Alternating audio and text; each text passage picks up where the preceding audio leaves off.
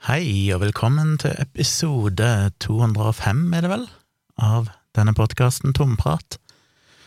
Og i dag blir det kanskje en litt spesiell episode. Ikke for å overdramatisere på Nordsjølsvis, men eh, jeg bare ikke var helt i form til å forberede meg så veldig. Jeg kom gjennom denne dagen med arbeid etter å ha tatt litt pause og sånn, ikke helt eh, på topp i form. Og jeg tenkte å snakke bitte grann om det, bare for å få det ut av systemet. Eh, det ble ikke noen livestream på tirsdag kveld heller, og grunnen er at jeg eh, hadde en eh, liten hendelse som gjorde at jeg endte opp på legevakten. Og det starta Ja, hvordan starta det? Min samboer Tone har jo vært ganske kraftig forkjøla de siste dagene, og vi frykta jo at hun hadde fått covid-19. Symptomene var ganske like, så Dagen etter, eller morgenen etter at hun hadde fått de symptomene, så traska hun av gårde til nærmeste teststasjon og fikk testa seg. Og vi venta på svar. Jeg skulle egentlig hatt en fotoshoot på tirsdag, men hun testa seg da i dette? Hun testa seg mandag morgen, blir det vel. Og øh, ja, reglene er jo sånn at øh, hvis hun har mistanke om covid-19, og jeg har én dose pluss tre uker vaksine innabords, så jeg har jo teknisk sett to doser, men det var ikke gått ei uke etter andre dose, så derfor var jeg ikke regna, og er ikke regna ennå, før i morgen, som fullvaksinert. Da slipper jeg ventekarantene, det vil si selv om jeg har vært i nærkontakt med noen som er smitta, så eh, trenger ikke jeg å være i karantene mens jeg venter til å få testa meg sjøl og jeg må vente tre dager etter at jeg har vært i nærkontakt, før jeg tester meg. Men siden jeg har vært i nærkontakt med Tone hele tida, så tenkte jeg å teste meg så fort hun fikk et eventuelt positivt svar. Det hadde jo vært interessant hvis hun hadde fått et positivt svar, og jeg er basically fullvaksinert og vært sammen med henne, har ingen symptomer, ehm, bare for å verifisere at jeg ikke blir smitta, på tross av det. Det viser jo at vaksinen i aller høyeste grad virker. Men jeg skulle egentlig ha en fotoshoot, betalt fotojobb, på tirsdag, og den måtte jeg rett og slett be om å få utsatt, fordi jeg var ikke sikker på når hun ville få svar, og hvis den testen var positiv, så måtte jo helst jeg teste meg før jeg oppsøkte andre folk, og så videre, så den måtte jeg bare utsette. På tirsdagen så fikk hun negativt svar, heldigvis, så det var nok bare en eh, vanlig forkjølelse hun har. Og tirsdagen eh, gikk, og eh, på seint på kvelden, rundt midnatt-ish tid, så begynte jeg plutselig å kjenne en sånn rar smerte i brystet, omtrent akkurat nederst i brystbeinet, og tilsvarende mellom skulderbladene på ryggen, omtrent på midt på andre sida av brystbeinet, bare på ryggsida. Og det var en sånn brennende-aktig smerte. Det minner meg litt om eh, typisk sånn halsbrann, som jeg har hatt noen få ganger, sånn jeg kan få plutselig at oi, shit, nå gjør det vondt. Eh, og så går det over veldig fort, i løpet av 10-15 minutter, som regel så forsvinner det jo. Men denne gangen forsvant det ikke, og det var sånn vag, diffus smerte som jeg først Det var liksom vanskelig, det føltes litt som jeg hadde strekt en muskel bak i ryggen, eller et eller annet sted. Så jeg gikk, eh, satt i stua, så på YouTube, spiste mango og en yoghurt, og så ble det liksom bare verre og verre, og jeg prøvde å finne måter å ligge på, for du føler jo at hvis du har strekt en muskel, så er det bare å finne en eller annen posisjon der du ikke har vondt.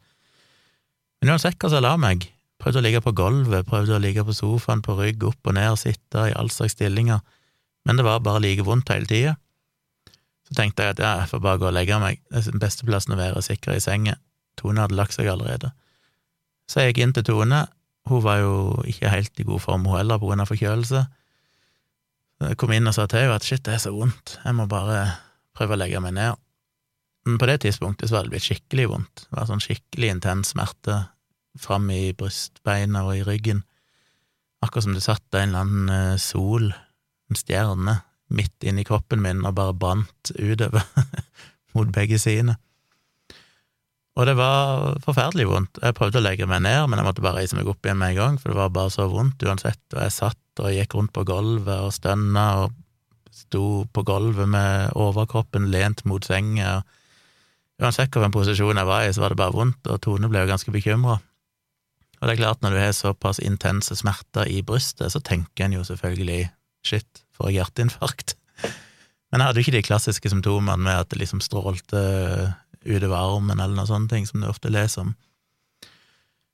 Så tida gikk, jeg satt der, Tone satt på sida av meg, jeg var usikker på sånn må jeg kaste opp, for det var så vondt at jeg ble litt sånn kvalm til tider, så jeg fikk henne til å hente ei bøtte, og et par ganger så tenkte jeg sånn shit, hvis jeg bare får kaste opp, så hjelper det sikkert, for det føltes jo som at det var et eller annet som satt helt øverst i magesekken, akkurat i overgangen mellom magesekk og spiserør. Eh, men jeg klarte liksom ikke å kaste opp, og så lurte hun Tone på om hun skulle ringe legevakten, og jeg er jo selvfølgelig sånn nei, nei, nei, det blir for mye oppstyr. men eh, så vent litt men det kom sikkert å gå over, jeg var helt overbevist om at det bare sånn plutselig kom til å lette igjen. Og så gikk det vel kanskje kvarter, 20 minutter til, det ble jo ikke bedre, og jeg hadde det så vondt. Så til slutt sa jeg jeg får ringe, og så sa hun at jeg, jeg, måtte jo egentlig ringe og forklare det sjøl, men jeg klarte jo ikke å prate, da. jeg satt jo bare og stønna og pusta tungt. og så hun ringte, hadde på loudspeaker, fikk snakka med noen der etter masse styr, mye kø, og de klarte ikke å identifisere hvor hun var, så hun måtte starte på nytt og taste inn postnummer og greier. Men til slutt så kom hun gjennom. Og så fikk vi snakka med noen, og selvfølgelig så tenker jo de òg hjertet først, og de begynner jo å spørre de, de sånn kontrollspørsmålene om det stråler ut i armen og alt mulig sånn, jeg kunne avkrefte det. Og så sa hun vel egentlig at eh, skulle, kunne, om jeg hadde noe sånn tabletter mot halsbrann, det hadde vi ikke. Om vi hadde noe melk eller noe sånt, det har vi heller ikke. Men jeg sa jeg hadde noe yoghurt, så ja, prøv det, og spis det, og se om det hjelper, det kan lindre, eh, hvis det var halsbrann. Eh, hvis ikke, så måtte jeg ha lav terskel for å ringe tilbake igjen, og, og hvis jeg ble mye dårligere, så måtte jeg ha lav terskel for å ringe 113. Og det syns jeg alltid er så bra, at de er sånn eh, i sånne situasjoner at de alltid er veldig tydelige på at liksom ha lav terskel for å ringe etter hjelp. Ikke tenk at, eh, at, det er feil, eller at det blir for mye oppstyr. Så la på. Tone henta litt yoghurt til meg. Jeg prøvde en ørliten uh, dash med yoghurt i munnen, men jeg ble så kvalm igjen med en gang at jeg klarte det ikke. Jeg fikk nå svelget en liten bit, men det hjalp jo ingenting. Og så sa Tone at vi må, vi må komme oss ned på legevakten. Men i den situasjonen, tilstanden jeg var i da, jeg hadde jo så vondt, jeg kaldsvetta, og tenkte bare skal jeg kle på meg, vi må ringe taxi, jeg må ut og finne en taxi, jeg må sitte i taxien hele veien ned, liksom, orker jeg virkelig det? Tenk om det går over om ti minutter? Tenk om det bare forsvinner, så sitter jeg og har gjort alt det oppstyret. Så jeg sa igjen til Tone at nei, nei, nei, vi må vente litt. Og så venta vi vel eh, litt til, det var ikke så veldig lenge, et kvarter til eller noe sånt. Og så sa jeg sånn, ja, eh, eller Tone sa kanskje sikkert på om vi ikke skal ned, og så måtte jeg bare innrømme at jo, kanskje det er best, det. Så hun ringte en taxi, kledde på meg, tok en plastpose i lomma i tilfelle jeg måtte kaste opp i taxien.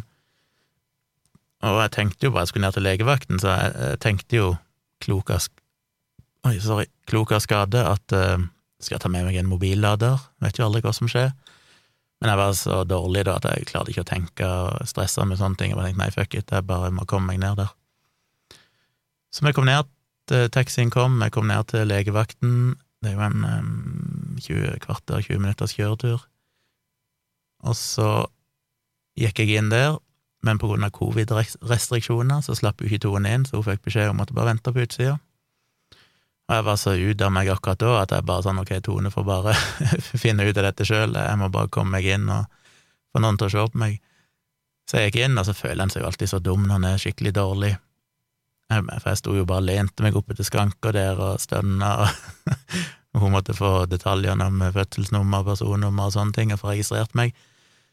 Stilte meg gjennom kontrollspørsmål, men heldigvis så fikk jeg da en sånn kølapp der det sto 'prioritert' på, og det var jo en lettelse at de iallfall tenkte at For jeg tror i alle ledd så tenkte de liksom 'kan det være hjertet', så da satte de meg på sånn prioritert liste.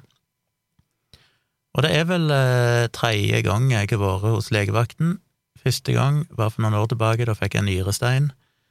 Og denne seansen her var veldig lik nyrestein. Smertene kom omtrent på samme måte. Når jeg hadde nyrestein, så var det jo litt sånn at jeg kjente jeg ble litt sånn vond bak i ryggen på høyre side.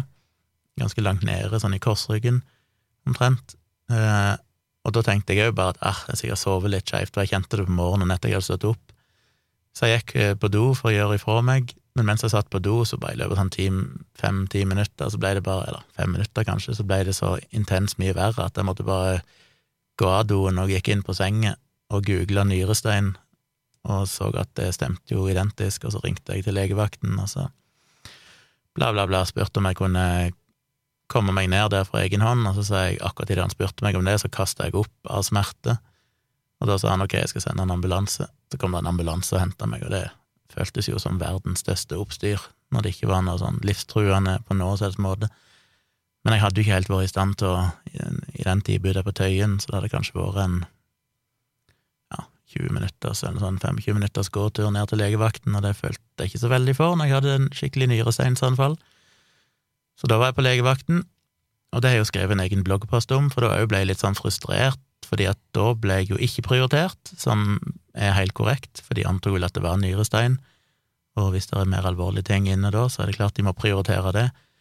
Men jeg satt jo vel bortimot to timer eller sånn på venterommet med nyrestein, det vil si, jeg satt jo ikke, jeg gikk jo bare rastløst rundt, for du klarer ikke å sitte stille når du er nyresteinsanfall, det er bare sånn, det er så vondt at du Ja, den historien har jeg fortalt før i andre sammenhenger, så jeg skal ikke gjenta den da, men dette minte jo veldig om det. Smertene kom litt sånn forsiktig, og i løpet av en halvtime eller sånn så ble de dramatisk mye verre. Og smertene var litt samme type smerter, bare at de satt et helt annet sted, som sagt, de satt opp med brystbeina og bak i mellom skulderbladene. Så jeg fikk nå en prioritert kølapp, og så satt jeg i det første venterommet der og venta, og da hadde jeg så vondt at det var bare sånn åh. Og så var det jo en gammel mann som var inne før meg i den triasje av første triasjekontoret, der de skal liksom bare vurdere hva alvorlig det er, og hvordan de skal prioritere deg. Og han, hun satt jo bare i ti minutter eller sånn, og jeg kunne så vidt høre, for det, var ikke, det jo bare en sånn eh, liten bås, holdt jeg på å si, det er ikke noe lydtett. Og det virka så unødvendig, den praten, det var sånn helt åpenbart en, sånn gamle, en eller annen gammel fyr som ikke har det så greit i livet, sikkert, med litt rusproblemer eller et eller annet, og hun bare godsnakka med han og prøvde å fortelle han at han måtte gå til fastlegen, jeg vet ikke hva det egentlig dreide seg om, men det var liksom det var sånn jeg tenkte han, shit, jeg har så vondt av nå må du virkelig ta den unødvendige samtalen, den er jo virkelig ikke viktig, det var bare sånn prat hun drev med for basically få han ut av kontoret. Og til endelig så ble hun ferdig med han, og så kunne jeg komme inn, og da stilte hun igjen en del kontrollspørsmål og sjekka ting, og så til slutt så ga hun meg ja, hun tok blod... Nei, hun jeg tok blodtrykket, jeg husker ikke. Jeg gjorde Putta en sånn dings på fingeren min, iallfall, pekefingeren, for å måle puls eller et eller annet, hva de nå måler. Og så kjente hun på pulsen min. Og som vanlig så spurte hun du har litt lav puls, vet du hva pulsen din pleier å være på? Og det er sånn, det er ikke peiling. Kunne jo ha sjekka det i appen på, på mobiltelefonen min, fordi at eh, jeg har jo en Apple Watch, og den logger vel pulsen min hele tida alltid visst at jeg har ganske låg puls, jeg vet ikke om det var unormalt låg puls. Jeg har jo alltid vært sjokkert over at jeg har såpass låg puls som jeg har, til å være så dårlig trent som jeg er. Men det er jo sånn at jeg ikke går rundt og vet hvor pulsen min pleier å være. Så ga hun meg to sånne tyggetabletter, som basically er sånn syrenøytraliserende, så jeg bare skal tygge uten å ha noe væske til, og skal ikke drikke på 20 minutter, så du tygger jo de. Fikk de med meg på veien og skulle ned til neste venterom, og da fikk jeg jo sånn flashback, for her satt jeg i to timer når jeg hadde nyrestein tredje gang jeg var på legevakten, det var når jeg blødde neseblod den gangen. Blødde så intenst neseblod, endte jo til slutt opp med at de bare sendte meg på Ullevål, og der ble jeg liggende i tre dager før de endelig fikk stoppa det. Det var sånn fem dager fra fredag til onsdag med neseblod, da de på mandagen vel til slutt sendte meg på Ullevål og blåste opp en sånn ballong oppi nesa og bihulene mine, som er det mest smertefulle inngrepet jeg noen gang har gjennomført. Og ble liggende i tre dager der, eller to netter, da. Eh, med denne ballongen oppi nesa, og det var ikke så gøy. Så jeg har vært på legevakten tre ganger, og det har aldri vært trivelig opplevelse, som jo er ganske naturlig. Så jeg tygde i meg disse tablettene, og de håpte jo da, eller det var sånn blanda følelse, jeg håpte jo selvfølgelig de skulle hjelpe, fordi da ville smerten forhåpentligvis gå vekk. Samtidig så følte jeg meg så dum hvis det bare var en sånn halsbranngreie, en intens halsbrann.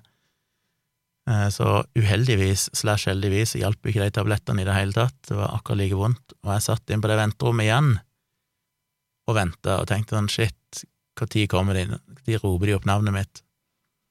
Og det var et par andre folk der inne òg, som tydeligvis hadde venta veldig lenge og dreiv og gikk inn i og oppsøkte leger, banka på dører og spurte om hvor lenge de måtte vente, for nå hadde de sittet i to timer, eller noe sånt. Men så var det visst et eller annet akuttilfelle akkurat da, som selvfølgelig måtte prioriteres. Og jeg òg bare tenkte sånn, fuck, nå har jeg så vondt, må det, må det komme et akuttilfelle rett før meg som gjør at jeg må bare sitte her? Så jeg satt vel en halvtime, og jeg føler meg så dum igjen når jeg sitter der, for det er så vondt at jeg kunne ikke sitte normalt. Jeg måtte liksom bare drive og skifte stilling hele tida, og jeg svetta som bare det, for det var så Men akkurat da så brydde jeg meg ikke så mye. Jeg hadde jo på meg munnbind òg, som ikke gjorde hele opplevelsen mer behagelig, for når du er svette fordi du er så varm og har smerter, og så sitter du og puster i den varme lufta hele tida og sånn, så var det bare ubehagelig. Men til slutt så ble jeg kalt inn til et kontor, og han skulle ta en EKG av meg. Satte på meg, hva er det, ni sånne plaster med sånn knott på som de kan kneppe fast ledninger i. Barberte meg litt på brystet her og der for å sette på dem. Tok en EKG, tok blodtrykk litt sånn, sendte meg, og stakk meg i fingeren for han skulle ta noen blodprøver. Sendte meg ut igjen. Jeg satt der ute igjen og venta, og så etter fem minutter eller sånn så kom han ut og sa shit, den der maskinen virka ikke, sa han, så han måtte ta stikke meg i fingeren på nytt for å ta nye blodprøver som irriterte meg litt, for jeg hater å bli stukket i fingeren. Jeg er så pysete akkurat når det gjelder fingertupper, det er sånn fobi jeg har, alt som er med fingertupper å gjøre. Men det var nå ikke noe stort problem sammenlignet med den smerten jeg hadde. Så satt jeg og venta ei god stund til, og til slutt ble jeg henta på nytt og kom inn på et legekontor, og endelig skulle jeg liksom bli undersøkt. Og igjen så er det litt sånn som den nyresteingreien, at da var jeg så irritert, og liksom jeg skrev i den bloggposten, fordi at da hadde jeg jo hatt de nyresteinsmertene i noen timer, og jeg skjønner at ikke det er høyt prioritert, men da jeg endelig fikk en sprøyte med Voltaren, var det vel, og en annen sprøyte med noe sånn muskelavslappende som de setter på hver side av hoften, eller øverst på skinka, så gikk det jo bare fem-ti minutter, så forsvant smerten helt. Det er den største lettelsen jeg har hatt i hele mitt liv. Og da var jeg så irritert på at jeg ikke kunne dere bare gitt meg det med en gang? Altså, kunne dere bare satt meg på venterommet, så slapp jeg iallfall å sitte i smerte så kunne dere etterpå tatt meg inn og sittet og tasta på datamaskinen og skrevet inn alle detaljer. jeg skjønner jo at det kanskje ikke går, men det bare føltes som det var så mange timer med unødvendig intens smerte, og nyårsdagen blir jo sammenligna med fødselssmerte, det er jo visstnok på samme nivå, så det er ikke spesielt behagelig når du bare ikke får gjort noe med det. Og denne smerten var vel omtrent opp mot der et sted, den minte meg veldig om nyreseinsmerte. Så hun eh, sjekka forskjellige ting, Stilte meg altså spørsmål, lytta litt på meg, lunge, hjerte, og så satt hun litt sånn rådvill og bare kikka på meg ganske lenge. Bare kikka tomt ut i lufta, egentlig, og jeg skjønte at hun bare tenkte. Jeg tror nok hun satte alle sine medisinske, alle sine år på medisinstudiet som bare sirkla rundt i hodet hennes for å prøve å komme på hva skal de egentlig gjøre her. Så jeg la meg ned på en sånn benk de hadde der, og ja, jeg husker ikke helt hva du gjorde da. Jeg husker ikke helt. Men etter en stund så konkluderte jeg Det var vel fordi jeg sa at det minna veldig om den nyresteinsmerta jeg hadde, bare at jeg satt et helt annet sted. Så ville de vel utelukke nyrestein, så hun sa om jeg kunne ta en urinprøve. Så sa jeg ja. Så gikk hun ut, var vekke ei god stund, kom det en annen fyr inn, og sa hei, her kan du ta en urinprøve. Så jeg gikk inn på doen og fikk gitt ifra meg litt urin, og så forsvant han, og på det tidspunktet så gikk alt veldig seint. De bare forsvant ut, jeg lå en aleine der, så jeg lå bare og satte på en podkast på mobiltelefonen og prøvde bare å distrahere meg sjøl.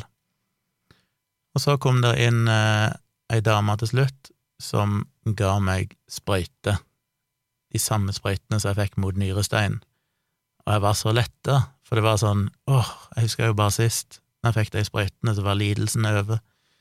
Teknisk sett så er jo ikke disse sprøytene, de er jo mynta på nyrestein, for de setter de jo helt nede i skinka og skal vel løsne opp muskulaturen der nede og, og gi smertestillende effekt der nede. Men de hadde nå definitivt en effekt på dette òg. Så etter jeg fikk sprøytene, så bare lå jeg på magen på den senga, og så sa jeg at det kommer til å virke innen 45 minutter eller noe sånt. Så det gikk ikke så fort som sist gang med nyårsøyen, da virka det veldig, veldig fort i løpet av få minutter. Denne gangen så gikk det nok kanskje en halvtime, 40 minutter eller sånn, men så en halvtime, så kjente jeg at nå begynner det å bli bedre. Så da gikk smerten ganske godt ned ifra å være sånn nesten utholdelig til at det bare var vondt og ubehagelig, men ikke sant, jeg holdt på å krepere og bare ville rive av meg hodet. Um, så gikk det en liten stund, kom hun inn igjen og spurte hvordan det gikk, hun første legen, det var mange forskjellige leger og forskjellige folk inne, og så sa jeg at uh, Og så spurte hun på en skala fra null til ti, der ti er at noen sager av deg armen, hvor vil du plassere smerten nå? Og da sa jeg at nei, nå er det kanskje en fire. Men så begynner jo den analytiske delen av hjernen min å irritere seg over sånt, for hun hadde ikke spurt det samme spørsmålet når jeg hadde smertene på sitt verste, og da er det litt sånn, hvorfor en en eh, jeg, jeg føler hun må ha et eller annet utgangspunkt. Jeg måtte få lov å ha sagt at når det var på ditt verste, så var det kanskje sju eller åtte, åtte kanskje. Så hun hadde et eller annet å sammenligne det med. Men greit nok, det gir jo mening å si fire, da skjønner hun at det ikke er helt ekstremt lenger. Men det bare irriterte meg litt, for jeg begynner jo å analysere sånn. Og men det jeg svarer nå, er jo helt avhengig av hva jeg svarte første gang. Jeg fikk jo aldri svart første gang, så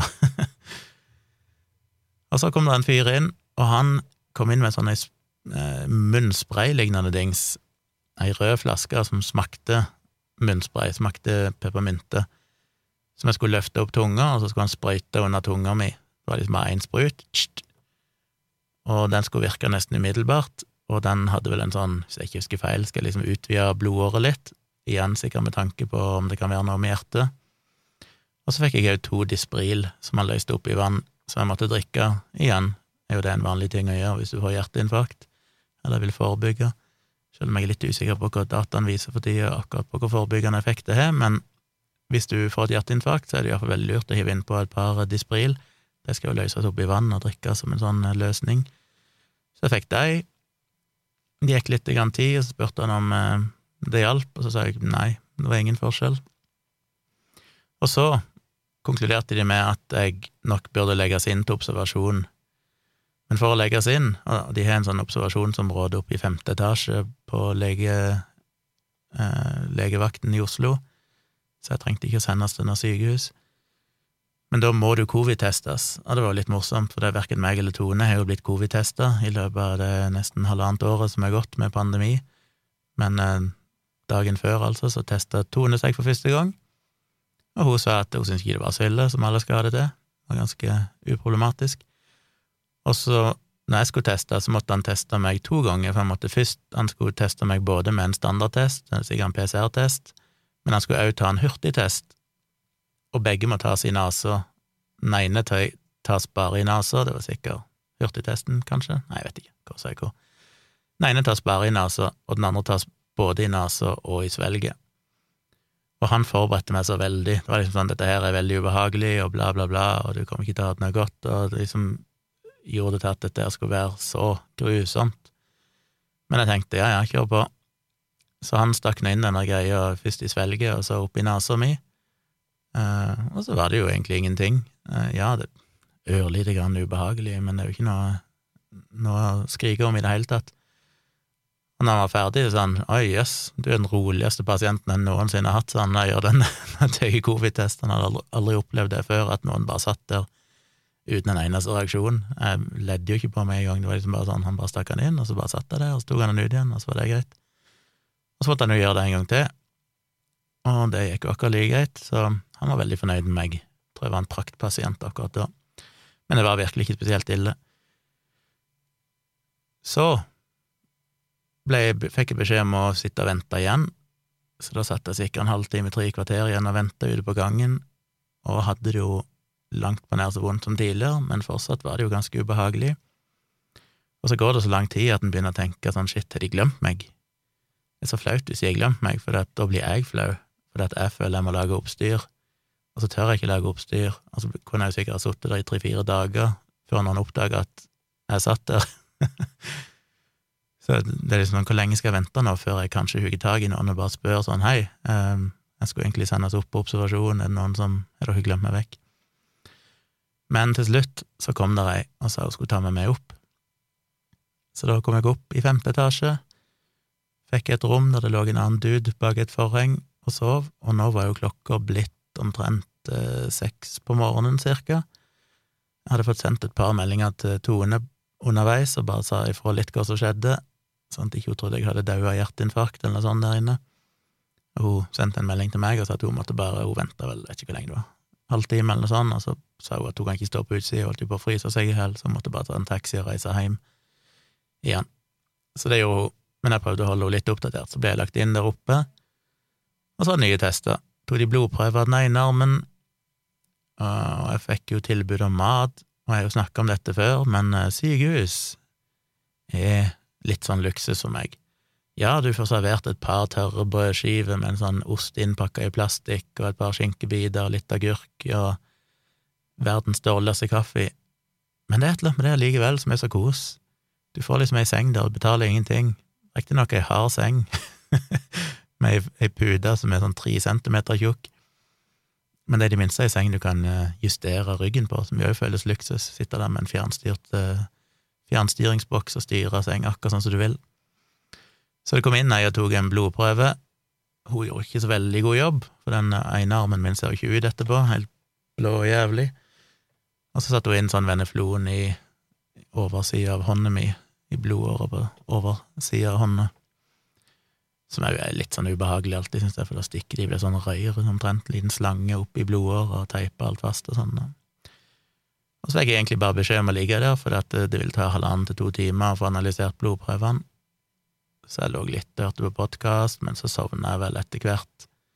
Jeg spiste den maten jeg fikk, og drakk litt dårlig kaffe. Og så husker jeg ikke helt, de kom vel inn noen ganger og spurte hvordan det gikk og sånn, og så etter en stund så skulle de ta en ny blodprøve, og det gjorde de i den andre armen min. Og så kom de inn og tok en ny EKG av meg, og så, når klokka var passert ja, klokka ble vel bortimot to, to-halv tre. Da hadde de endelig fått svaret på de siste testene de tok av meg, og kunne vel basically utelukke at det hadde noe med hjertet å gjøre. Det var ingenting av dette som tyda på at det var hjertet, men de hadde heller ingen annen forklaring. Og på det tidspunktet så var smertene nesten vekke, så fra sånn seks om morgenen og de neste timene så gikk de liksom gradvis vekk. Så når klokka var to-tre, så følte jeg meg, eller egentlig allerede sånn i tolvtida omtrent, så følte jeg meg eh, ganske så fin, men da hadde jeg jo hatt de smertene i omtrent tolv timer. Så kom jo legen inn til slutt, når alt var ferdig, og sa at ok, det, jeg tror du kan gå, det er ikke så mye mer vi kan gjøre. Han hadde jo ikke noen god forklaring på hva dette var. Og så kom jo det interessante, for han sa jo i en bisetning at eh, ja, du fikk andre dose av vaksinen for fem dager siden, ser jeg. Ja, vi har hatt en del eh, tilfeller med sånn rare, litt uforklarlige ting etter vaksinen, så kanskje det kunne være det. Og det var jo høyst interessant, fordi var det en vaksinebivirkning jeg fikk? Jeg må jo innrømme nå, hvis du skrur klokka tolv timer tilbake igjen, da jeg begynte å få disse smertene, og satt og tenkte jeg må kanskje på legevakten, så var jo det første jeg tenkte, var jo Nå må jeg bare få navnet riktig her um, peri, Perimyokarditt, er det vel, som det jo etter hvert begynner å bli litt evidens for at det er litt overhyppighet av det, spesielt hos uh, unge menn etter Pfizer-vaksine eller etter mRNA-vaksine. Og det er vel en sånn slags betennelse i hjertemuskelen eller sånn, hvis jeg ikke husker feil, som stort sett er helt ufarlig, og det forbigående, du får behandling, så går det over, og så er det ikke noen problemer med det. Men det var jeg, jeg aner ikke hva symptomene på det om det fører til intense smerter i brystet, eller hva det er, så jeg må jo innrømme at jeg tenkte på det. Men eh, nå tok de jo alle disse testene, de tok jo flere blodprøver, de tok EKG og fant ingenting. Eneste de fant, var at jeg hadde litt for høye antall hvite blodlegemer. Men det kunne jo bare skyldes stress, stressituasjonen jeg var i og sånn. Så ja. Så jeg reiste hjem igjen, og følte meg vel ganske ok, bortsett fra at jeg følte meg ganske medtatt. Og da jeg våkna i dag, så var jeg fortsatt litt sånn ør og svimmel som er litt rart, eller ja, gudene vet det, jeg er liksom usikker på skyldes det fordi at jeg har hatt en eller annen infeksjon, et eller annet uh, som skjedde. eller jeg føler meg bare øre medtatt fordi jeg hadde en, en våkenatt, basically. Jeg har ikke fått altfor mye søvn. Jeg sov litt utover, sov litt i den syke senga på observasjonsrommet, og så sov jeg et par timer når jeg kom hjem, og så la meg relativt tidlig til meg å være, så jeg fikk en god natts søvn. Men jeg følte meg litt sånn groggy i dag tidlig òg. Nå begynner jeg vel, nå som det er kveld, så begynner jeg jo å føle meg ganske ok igjen, ganske normal. Men om det bare er at eh, jeg ble stukket og stukket med nåler overalt, og ble, fikk diverse medisiner innabords, alle disse sprøytene og den der blodåreutvidende sprayen, og gudene vet om det er bare liksom summen av alle de tingene som gjør at en føler seg litt sånn litt under the weather etterpå. Eller om jeg faktisk hadde en eller annen infeksjon, et eller annet som faktisk gjorde at jeg var litt dårlig, siden jeg òg hadde høye, høyt antall hvite blodlegemer. Så det gikk nå bra, til syvende og sist, men eh, det er jo interessant, dette med vaksinebivirkning, for jeg må jo si at, for det første, dette er jo sånn klassisk eksempel som jeg har snakka meg blå om og skrevet om i de siste 15 årene. Post hoc ergo propter.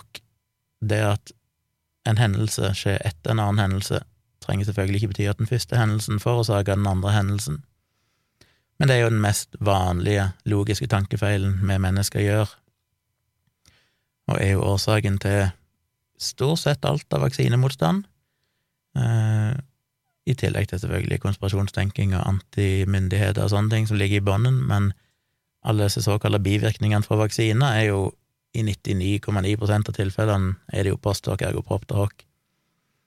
Uansett hva jeg hadde gjort, hvis vi blir dårlig i løpet av de neste par ukene, hvis vi har gjort noe litt utenom det vanlige i forkant, så vil en ofte tenke at hm, kan det være det som forårsaker det? Og problemet med en sånn hendelse som dette er jo at det er umulig å vite. Ja, det kan ha vært en bivirkning av vaksinen, men det vil jo være teknisk umulig å finne ut av, mindre du finner noe helt sånn konkrete symptomer, og du da kan finne at det oppstår oftere hos vaksinerte enn i den generelle befolkning, altså bakgrunnsraten, som jo er det jeg skulle ønske at folk lærte seg.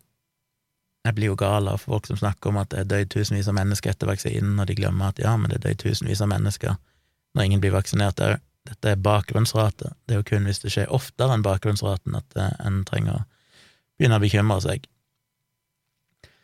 Så det er jo helt umulig å vite om det hadde noe med vaksinen å gjøre, hvis det var en vaksinebivirkning, ville jeg da fraråda folk å ta vaksinen? Nei, det ville jeg på ingen slags måte. Ville jeg ha tatt vaksinen igjen, selv om jeg visste at det var en mikroskopisk risiko for at jeg kunne oppleve det samme igjen? Ja, det ville jeg, fordi igjen, det å få covid-19 er jo et sjansespill. Stort sett så går det veldig greit når du er i min alder og ikke har noen alvorlige underliggende sykdommer, men det er folk i min alder som blir alvorlig syke, og noen som dør. Og ikke minst så handler det om flokkimmunitet. Jeg ønsker å bidra til flokkimmunitet. Jeg ønsker ikke å være skyldig å smitte andre, mine foreldre eller andre, selv om de er fullvaksinerte nå, så er jo ikke den 100% effektiv, vaksinen. Og det er sikkert andre gamle, utsatte mennesker jeg kommer i nærheten av i de nærmeste ukene og månedene, så jeg ønsker ikke å bidra til det. Eh, og hvis det var sånn at alle fikk denne, eller 10 fikk denne bivirkningen, så ville jeg kanskje ha fraråda vaksinen. Men per definisjon så er det jo siden de ikke skjønte hva det var og ikke hadde sett det før, så er jo dette noe som helt åpenbart og nesten aldri skjer hvis det har noe med vaksinen å gjøre, og da er definitivt risikoen verdt det.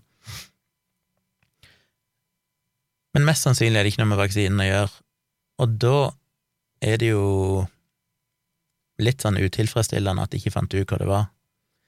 Helt uavhengig om det hadde noe med vaksinen å gjøre eller ikke, så er det jo fortsatt interessant å vite hva var det som egentlig skjedde. Jeg mener jo fortsatt at smerten er mest identisk med halsbrann, bare liksom ganger 100, eller ja, 100 kanskje mye, ganger 10 i intensitet og ikke minst uh, varighet.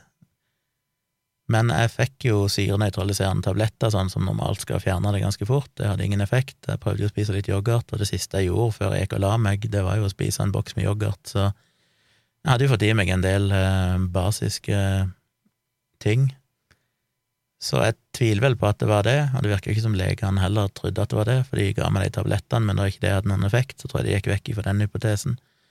Så da står du igjen med hva i all verden var det som skjedde, for det var altså så helt helt forferdelig vondt at jeg eh, vil ikke unna min verste fiende å kjenne på det. Så ja, det var en liten oppsummering. Det gjorde jo at eh, jeg ikke fikk til noen livestream på tirsdag. Jeg vet ikke om jeg hadde gjort det uansett, for jeg var litt sånn Kanskje jeg begynte å kjenne at det var noe galt, jeg vet ikke, jeg var bare ikke i form til å ha noen livestream, og så kanskje litt seinere enn det jeg ville normalt ha starta en livestream, så begynte disse smertene å komme. Og så eh, var jeg litt sånn utilgjengelig de neste ja, i forgårs og i går. Eller i går, da. I går var det jo jeg kom hjem igjen. I går og delvis i dag. I går fikk jeg jobba Nei, i går jobba jeg vel I går jobba jeg ingenting, nei. Jeg prøver å huske kronologien i dette, for da kom jeg jo hjem på ettermiddagen. Og i dag har jeg jobba tilnærmet normalt, selv om jeg måtte ta meg en litt ekstra lang pause midt på dagen, for jeg kjente meg ikke helt i toppform. Så det var min lille historie. Så hvis dere hører om noen andre som har hatt akkurat det samme symptomet, så fortell meg gjerne om det, hvis det er noen som eh, har noe svar på hva det kan være for noe. Det er vel, så vidt jeg vet, òg noen leger som hører på denne podkasten. Kanskje dere òg ble nysgjerrige nå? Jeg syns jo det er gøy å lese denne her epikrisen jeg får tilsendt med meg hjem. For det Jeg ble bare litt fornærma når de skriver abdominal fedme. Fuck you, lege. Ikke si sånt om meg. um, ja, jeg skjønner ikke halvparten av dette, men jeg fikk eh, Voltarenia og Buscopan. Så fikk jeg en nitrospray, Sublingvalt, det var vel den sprayen de tok under tunga. Er det nitroglyserin, det? Det er vel det de gir når det er sånn hjertegreie. Aspirin fikk jeg, det var det. Subakutte restrosternale brystsmerter slash epigastrie smerter, samt mellom skulderbladene. Brennende karakter. Og det er jo sånne ting som jeg, jeg blir altfor analytisk når de begynner å spørre kan du beskrive smerten. Jeg kunne jo utelukke at det var som om en hest satt på brystet mitt, for det vil du gjerne vite, for det er igjen sånn symptom på at det er noe med hjertet, men det var ikke en sånn trykkende, klemmende smerte, så det var jo en lettelse, for så vidt. Men hvordan beskriver du en smerte? Det er alltid så vanskelig. Nærmest jeg kom, var jo en brennende smerte, men det er jo litt sånn feil beskrivelse, for hvis du brenner deg, så jeg, jeg, tror ikke det er veldig mange av oss som har vært utsatt for brennende smerte over lang tid. Det er sånn du legger hånda på steikeplata eller putter fingeren inn i et stearinlys, og så bare holder du den der i en time. Eh, en brennende smerte er jo som regel veldig kortvarig og akutt, og er ikke helt sammenlignbar. Eh, nærmest å komme en brennende smerte er kanskje hvis du har ei varmepude, eller eh, for, legger deg i et bad med for varmt vann, som er sånn at du ikke kreperer av det men du kan ligge der ganske lenge og kjenne. Men jeg føler jo det er ikke en helt fullgod beskrivelse, det heller. Og det er ikke en stikkende smerte. Den strålte ikke ut noe plass. Men når de spør meg sånn, så begynner jeg alltid å Da får jeg litt sånn panikk innvendig, for det er sånn, hvordan, hvordan kan jeg beskrive dette best mulig? Men jeg endte vel opp med å si brennende, som jeg sa innledningsvis her. Litt som at du har ei sol inni brystet som, eh, som bare brenner der inni. Det er kanskje nærmest jeg kommer, selv om det ikke er presist nok, det heller. Ingen lindrende stilling, kvalm og smertepreget, link uten effekt. Link, det må vel være de der syrenøytraliserende tablettene, tror jeg. Angir noe effekt av Voltaren pluss Buscopan, gitt på mistanke om nyrestein, negativ urinstiks. Ja, for den urinprøven var jo negativ, så det viste jo ikke noe tegn på at det var noen nyrestein. Etter Voltaren-injeksjon er pasienten tørr og varm i huden, sover på båre. Det er litt flaut, jeg er tydeligvis lei der å sove, så de kom inn og kikka, så jeg ikke visste om det. Sidelike, sidelike, sidelike trykk i begge armer. Tentativt gastritt, EKG uten iskemi, ønskelig med OBS KOR for å utelukke AKS. AKS, hva er det? Akutt eh, Kardio et eller annet, sikkert. Sikkert et eller annet med hjertet. Samt at han initielt fremsto ganske påvirket og kaldsvett. Tar med abdomenprøver med tanke på øvre magesmerter. Ja, det glemte jeg å si. Hun legen stakk òg en finger opp i rumpa mi, som alltid like gøy, for å sjekke om jeg kunne ha blod i avføringa. Så jeg ble jo kladda inn med glidemiddel i anus, og så var det rett inn med fingeren og rotere litt rundt der inni. Heldigvis så har jeg jo gjort det en del ganger før, ettersom jeg har vært operert for hemoroider, som jeg har fortalt om i andre sammenhenger. Jeg har hatt mye stukket opp i anusen min av forskjellige fingre og røyr og redskaper opp gjennom årene, så heldigvis var jeg relativt vant med det, men det er jo fortsatt like utrivelig. Neste lege skriver fra tidligere HT bruker Lacandibin og Atacand, det er blodtrykkssenkende medisiner som jeg går på, tidligere hatt nyrestein, opp hemoroide ganger to, ingen hereditet for hjerte-karsykdom, ti pakkeår, sluttet for mange år siden. Jeg synes jeg er litt morsom, for hun spurte om jeg røykte, og jeg sa nei, jeg røykte for mange år siden, kanskje i ti år eller noe sånt, og det skriver de som pakkeår. Det var litt sånn fascinerende. Det er ikke tobakkår eller sigarettår, men det er ti pakkeår. Sluttet for mange år siden. Snuser, abdominal fedme, gradvis økende smerter over 30 minutter retrosternalt slash øverdel av buk samt midt mellom skulderblad, oppsto i våken tilstand, trodde initialt det var halsbrann eller en strekk i ryggmuskulaturen, klarte ikke å ligge, fant ingen god stilling, konstante smerter, brennende karakter, kvalm, men ingen oppkast, ikke tungpust, ikke redusert fysisk yteevne siste tid, fått link i triasje uten effekt, smertene kan minne noe om tidligere nyresteinsanfall, men med annen lokasjon. Og så den siste endelige, aktuelt, se notat fra i natt, innlagt med gradvis innsettende sterke smerter sentralt i brystet som debuterte i ro og ble bedre av Voltarin, im, punktum, Ustix, negg for blod, som gjør nyrestein lite sannsynlig, og det har tatt obs, kor og abdomenprøver som ikke viser annet enn lett forhøyde hvite blodlegemer, som oppfattes som stressrelatert. EKG viser normal sinusrytme uendret fra i natt. Ved undersøkelse klokka 14 er han smertefri og i god form. Ingen ømhet under hø, kostal, kostalbue eller thorax. Reiser uten videre tiltak herfra. Ja, for de trykte jo litt rundt på magen min og sånn òg, for å sjekke om jeg var øm noe plass i magen. Jeg har jo en familiehistorikk med gallestein. Både min far og min bror har begge fjerna galleblæra på grunn av store problemer med gallestein, som jo er helt jævlig å gjennomgå. Jeg har jo ikke hatt det, jeg har hatt nyrestein, men det er klart jeg tenkte jo litt på det, hvor sitter smerter for gallestein, kan det være det? Og det kunne jo teknisk sett være det, men siden jeg ikke var øm eller hadde noe vondt når de trykte på galleblæra eller rundt i magen min, så utelukka de vel det òg. Så det ble min episode for i dag, tror jeg. En veldig, veldig egosentrert episode. Men jeg følte å få det ut av kroppen, Kanskje mamma hører på, så kan hun høre denne, så slipper jeg å fortelle alt på nytt til hun. um, ja. Det eneste jeg hadde å tilføye, for å virkelig skifte tema, er jo at denne dommen i den rettssaken om AMS-målere falt jo her fra ei uke eller noe sånt siden, og den uh, gikk jo i de saksøktes favør, det vil si energiselskapene vant, og dommen var ganske interessant å lese, jeg bare skumleste den, men Heldigvis gikk det jo som jeg håpte, i den forstand at dommerne var veldig tydelige på at her var jo vitenskapen veldig klar og tydelig, og alle forsøkene som disse saksøkerne hadde på å fremstille det som at eh, alt av sånne regulerende myndigheter var inhabile og kjøpt og betalt og korrupte og kunne ikke stole på noen ting, det så han på som svært lite usannsynlig. Og det var jo litt morsomt å se at alle disse fagpersonene i gåsehauget som eh, saksøkeren henta inn, sånn Magda Havas og andre folk, som jo er totalt klin kokos i hodet gjennomskua han, tydeligvis. Det var sånn, han følte ikke at de hadde så mye å komme med, mens de ekspertvitnene som de saksøkte, hadde, sånn folk som jobber i, i norske regulerende myndigheter, sånn som har med strøm og stråling å gjøre, de hadde jo såpass god kompetanse og hadde jo veldig klare svar og gode forklaringer på de her tingene, så de ble jo vektlagt betydelig mer, åpenbart, enn eh, de andre, den andre parten.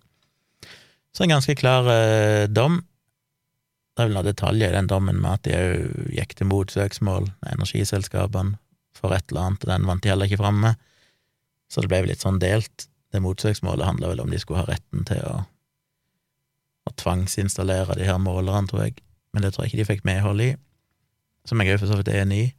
Det sa jo i en livestream at en liten del av meg håp, håpte jo nesten at uh, saksøkeren skulle vinne saken, bare fordi at jeg har sympati for at folk som opplever at uh, stråling er helseskadelig, uh, at de skal få slippe å ha en sånn strømmåler.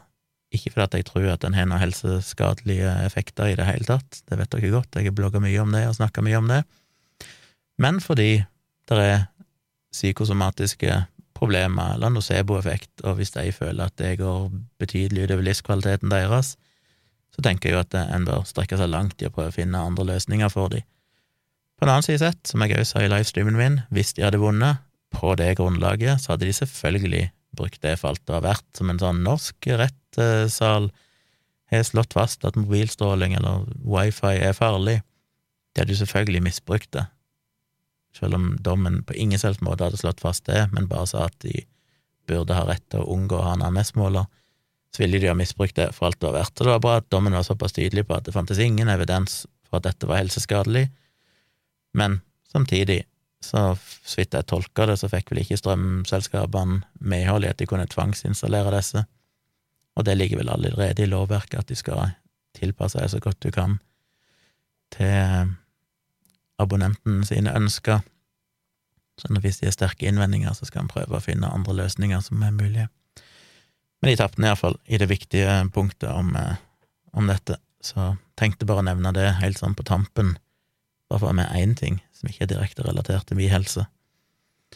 Og hvis det er noen vaksinemotstandere som hører på nå, så kommer de garantert til å si aha, Gunnar fikk en vaksinebivirkning.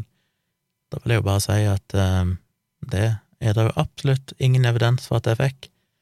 Det er som med mange andre sånne bivirkninger, du kan ikke utelukke det, selvfølgelig, fordi det er vanskelig å bevise en eh, negativ på den måten. Men eh, jeg har hatt smerter før, jeg har hatt nyrestein, jeg har alt mulig rart tidligere, som neppe var, som ikke kom i etterkant av noen vaksine. Så det er ikke noen spesiell grunn til at dette her heller skulle komme i etterkant av vaksinen, eller at det skulle være knytta til vaksinen, selv om man kom i etterkant av vaksinen. Og uansett så er jeg frisk og rask, og det var forbigående. Uh, siden ikke fant ut hva det faktisk var, så er det klart at jeg er litt sånn bekymra for shit, kan det skje igjen? Det har jeg jo ikke spesielt lyst til, må jeg innrømme, men samtidig, hvis det skjer igjen, så føler jeg meg jo litt tryggere på at ok, det er neppe hjertet, eh, gi meg noe smertestillende, gi meg Voltaren-sprøyte, eller noe tilsvarende som kanskje er mer retta mot akkurat den type smerte jeg har, så skal jeg komme meg gjennom det en gang til, og da håper jeg de kanskje får undersøkt enda litt mer, hvis det skulle skje igjen, for å virkelig prøve å finne ut hva det var. Men eh, de meldte blankt denne gangen, så gudene vet. Men jeg er nå her fortsatt, og satser på å leve noen år til. Så takk for at du hørte på min lille egotripp-rant, og så eh, er jeg vel tilbake igjen på Nei, nå er det jo fredag. Ja, så da er jeg tilbake med en livestream kanskje på kvelden. Fredag kveld så er det helg, og så er det ei uke neste uke, og så er det jaggu meg ferie. Da skal vi ha den første ja, ti dagers ferie omtrent, som jeg har nevnt tidligere. Liten kjøretur til mitt hjemsted, til mine foreldre og familie, og så litt videre rundt i landet. Så det blir jeg jo Det gleder jeg meg til, samtidig som jeg blir stressa av det. Det er det som er problemet med ferie. Hver sommer så blir jeg stressa av ferie fordi jeg tenker på å, det er så mye jeg skulle ha gjort ferdig på jobb, og får litt sånn panikk at det plutselig skal gå ti dager uten å gjøre noen ting. Får ikke eh, lagd podkast, så det blir noen dager uten podkast. Mye jeg ikke får gjort, så Men jeg skal minne dere på det når det nærmer seg. Siste episoden kommer vel da på om ei uke, neste fredag. Jeg skal minne dere på at nå blir det halvannen uke eller sånn, eller to uker uten podkast, så får dere se om dere klarer dere uten podkast. Jeg tror dere klarer helt fint. Anyway, jeg er tilbake igjen, uh, iallfall over denne helga, med en ny episode. Send meg gjerne mail på tompratpodkast.gmail.com hvis dere har spørsmål, tips, et eller annet dere vil jeg skal se på og snakke om. Og så hyggelig om dere vil joine meg i livestreamen fredag kveld, altså fredag 18. juni, kanskje den dagen dere hører dette. Og så, uh, ja, da logger jeg av